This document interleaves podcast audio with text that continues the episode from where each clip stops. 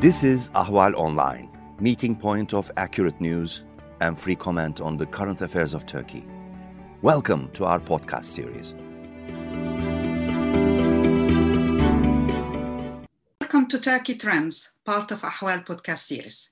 I am Nervana Mahmoud. First, they invent a story. Then they spread it as if it is unquestioned fact. Then they use it against their opponents. That's how conspiracies are manufactured. And if you are from the Middle East like me, you will be aware of many conspiracies ingrained in psyche of entire societies.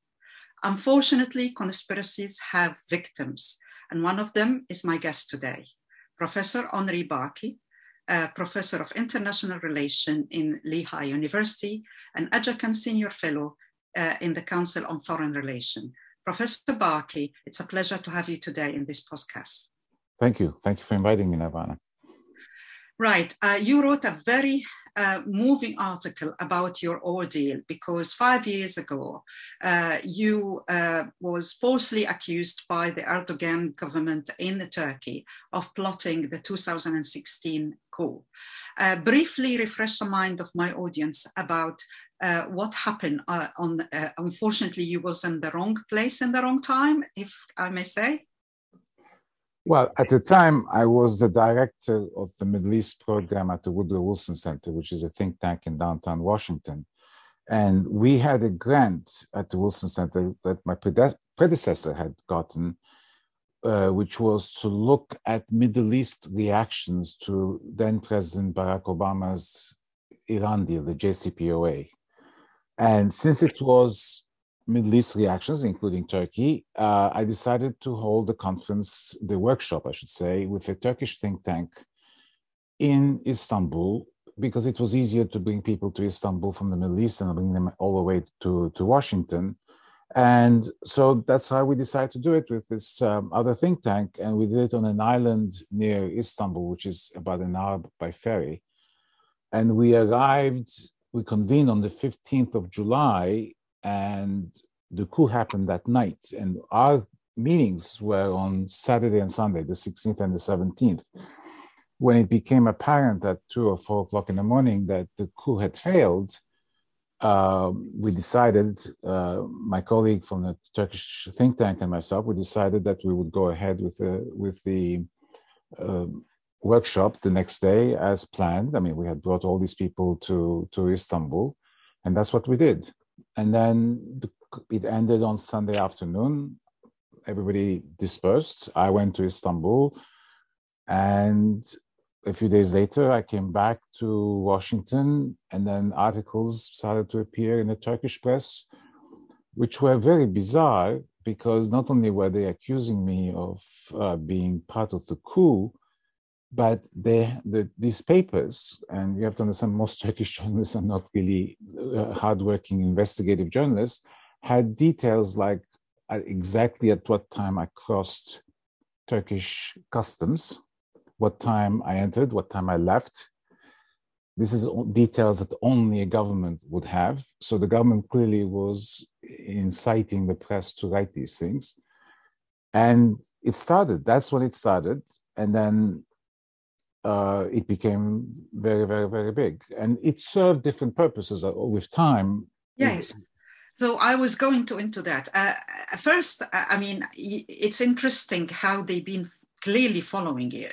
Uh, and immediately after a few days, they immediately spread the accusation. It take them it took them no time to do that, which right. which question their motive. So, what are their motive from your perspective? So, I mean, look, you, you raise an interesting question, which is um, let me give you, I came to Istanbul Sunday night. Monday night, I had dinner with somebody who we'll talk about later, Osman Kavala. Sorry, I, I, did not have dinner with him. I was having dinner with a friend of mine, and I bumped into Osman Kavala in the restaurant. That was Monday night. Tuesday, I left Turkey to um, come back to Washington. On Thursday, the first article appeared right? So mm-hmm. Your point is is a very important one in the sense for that I don't have an answer. How come they managed to so to start this process so quickly? right? The press did not know I was there. I mean, this was not in a public event. So only the government knew. Right. Right. Which bring me to, uh, uh, you know, as I mentioned in my introduction, if you're familiar with conspiracy, they usually look initially for conspiracy material.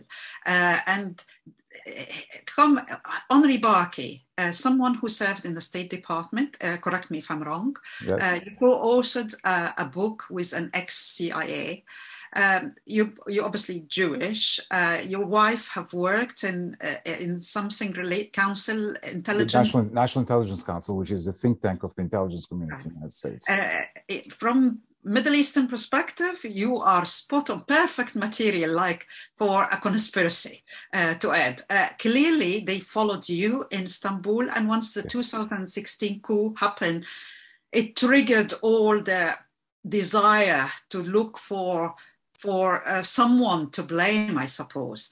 But why yes. you think is it the American link, or just because unfortunately you bumped into Osman Kavala, who is a guy absolutely hated by Erdogan? No, I, I, Osman Kavala comes into the picture mm, later, uh, almost maybe a, couple, a year and a half later.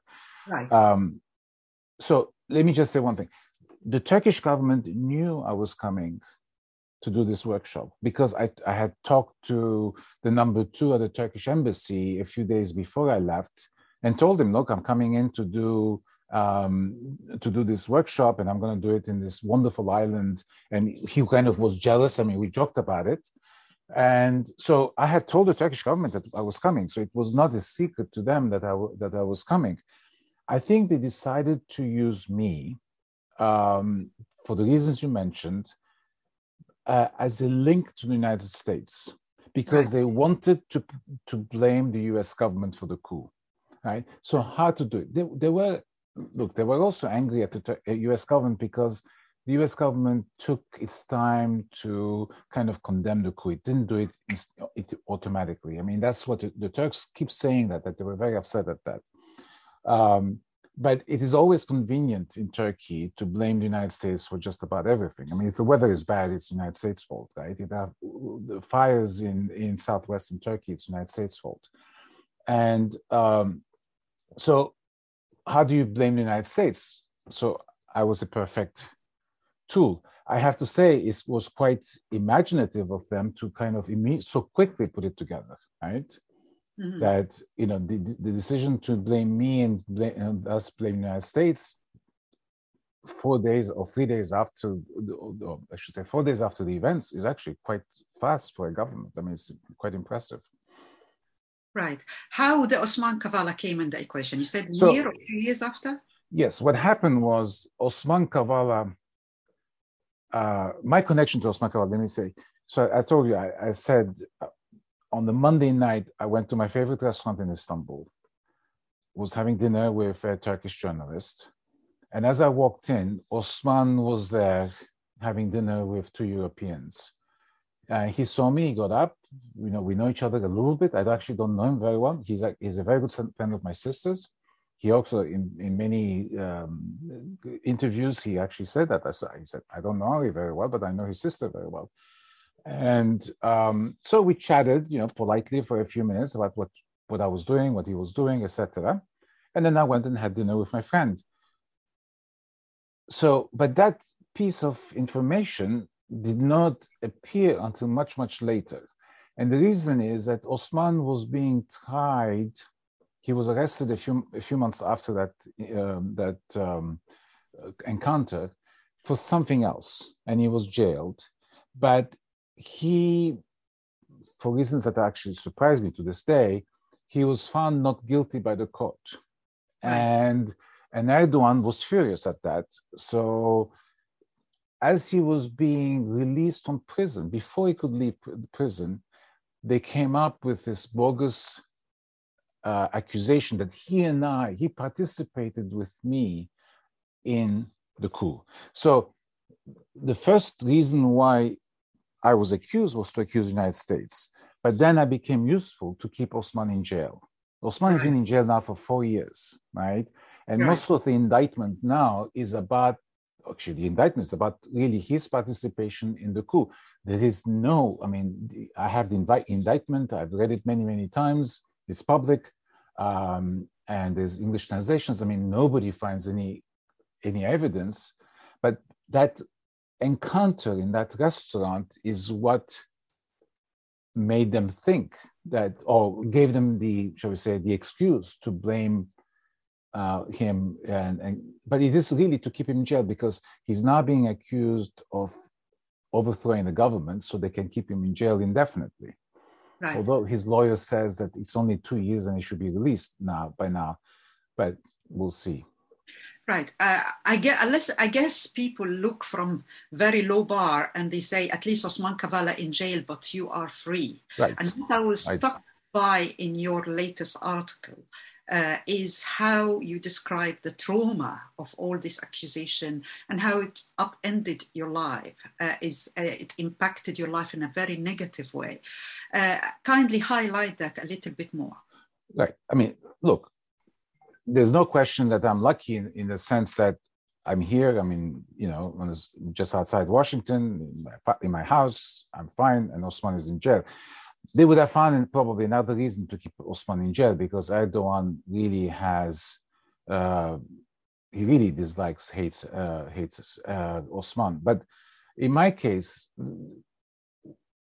this tragedy for me was that this could have been prevented when when I saw all this happening, and I was at the Wilson Center. The, I had a meeting with the head of the Wilson Center, former Congresswoman Jane Harman, and four vice presidents. And I told them at the time, I said, look, this is going to get very big. This is going to be really, it's going to do a lot of damage to the Wilson Center, to me. We need to do something. And I had uh, had this plan for Jane Harman. She absolutely refused to do anything right. for me. Absolutely. I mean, it was really shocking especially because the Wilson Center is known for standing up, especially in previous leadership, standing behind its people. Right. And she was more concerned about I having a meeting with Senator Dianne Feinstein to brief her about Turkey. And she, she told me I could not meet Dianne Feinstein. I said, why? No, she wouldn't let me. And I said, no, I will go. And she, her office called Dianne Feinstein's office and canceled my meeting. I mean, at the time when I'm in, under attack, she she undermined me. And right. but the, so that's how it could have as i said it could have been mitigated. There was i, I mean i had some strategies. The other upshot is because there's this constant barrage of attacks on me in the turkish press. And because people in turkey now get jailed for a tweet let alone participating in a coup or knowing a coup maker um, people are afraid. So I have lost contact with just about everybody in Turkey. Right. And um, friends don't call me. Friends, you know, I, I, mentioned one friend who came to to Washington and used her ex-husband's telephone to call me uh, because she said, "Look, I'm sorry, I couldn't not. I, I erased you from all my devices." This was a very close friend of mine, and is a very close friend of mine. I'm not going to say was but it's the same thing with um, whether it's news agencies or newspapers, including Western ones, to think tanks. People have cut me out, and you know, fine. That's that's their choice. There, because what happens is that um, the Turks. I mean, some Turks are afraid of being at a conference with me in the same in the same room. Uh, I'll, I'll give you one example. I was invited by a British um, think tank uh, to a meeting. I think it was in Italy. And then one day I got a call from a senior former US official, very senior, who's on the board of that, that foundation, and said, Look, um, the foundation is, has invited you, you accepted, but they're very worried that the Turks won't show up. They're putting pressure on the foundation to disinvite you. I said, Look, I accepted the invitation. They have every right to rescind the invitation, but I'm You can follow Ahval News Online podcast series through Apple Podcasts, Spotify, YouTube, Google Podcasts, SoundCloud, and Spreaker. All you need to know about Turkey is here for your ears, mind, and attention. Thank you for listening to our podcast.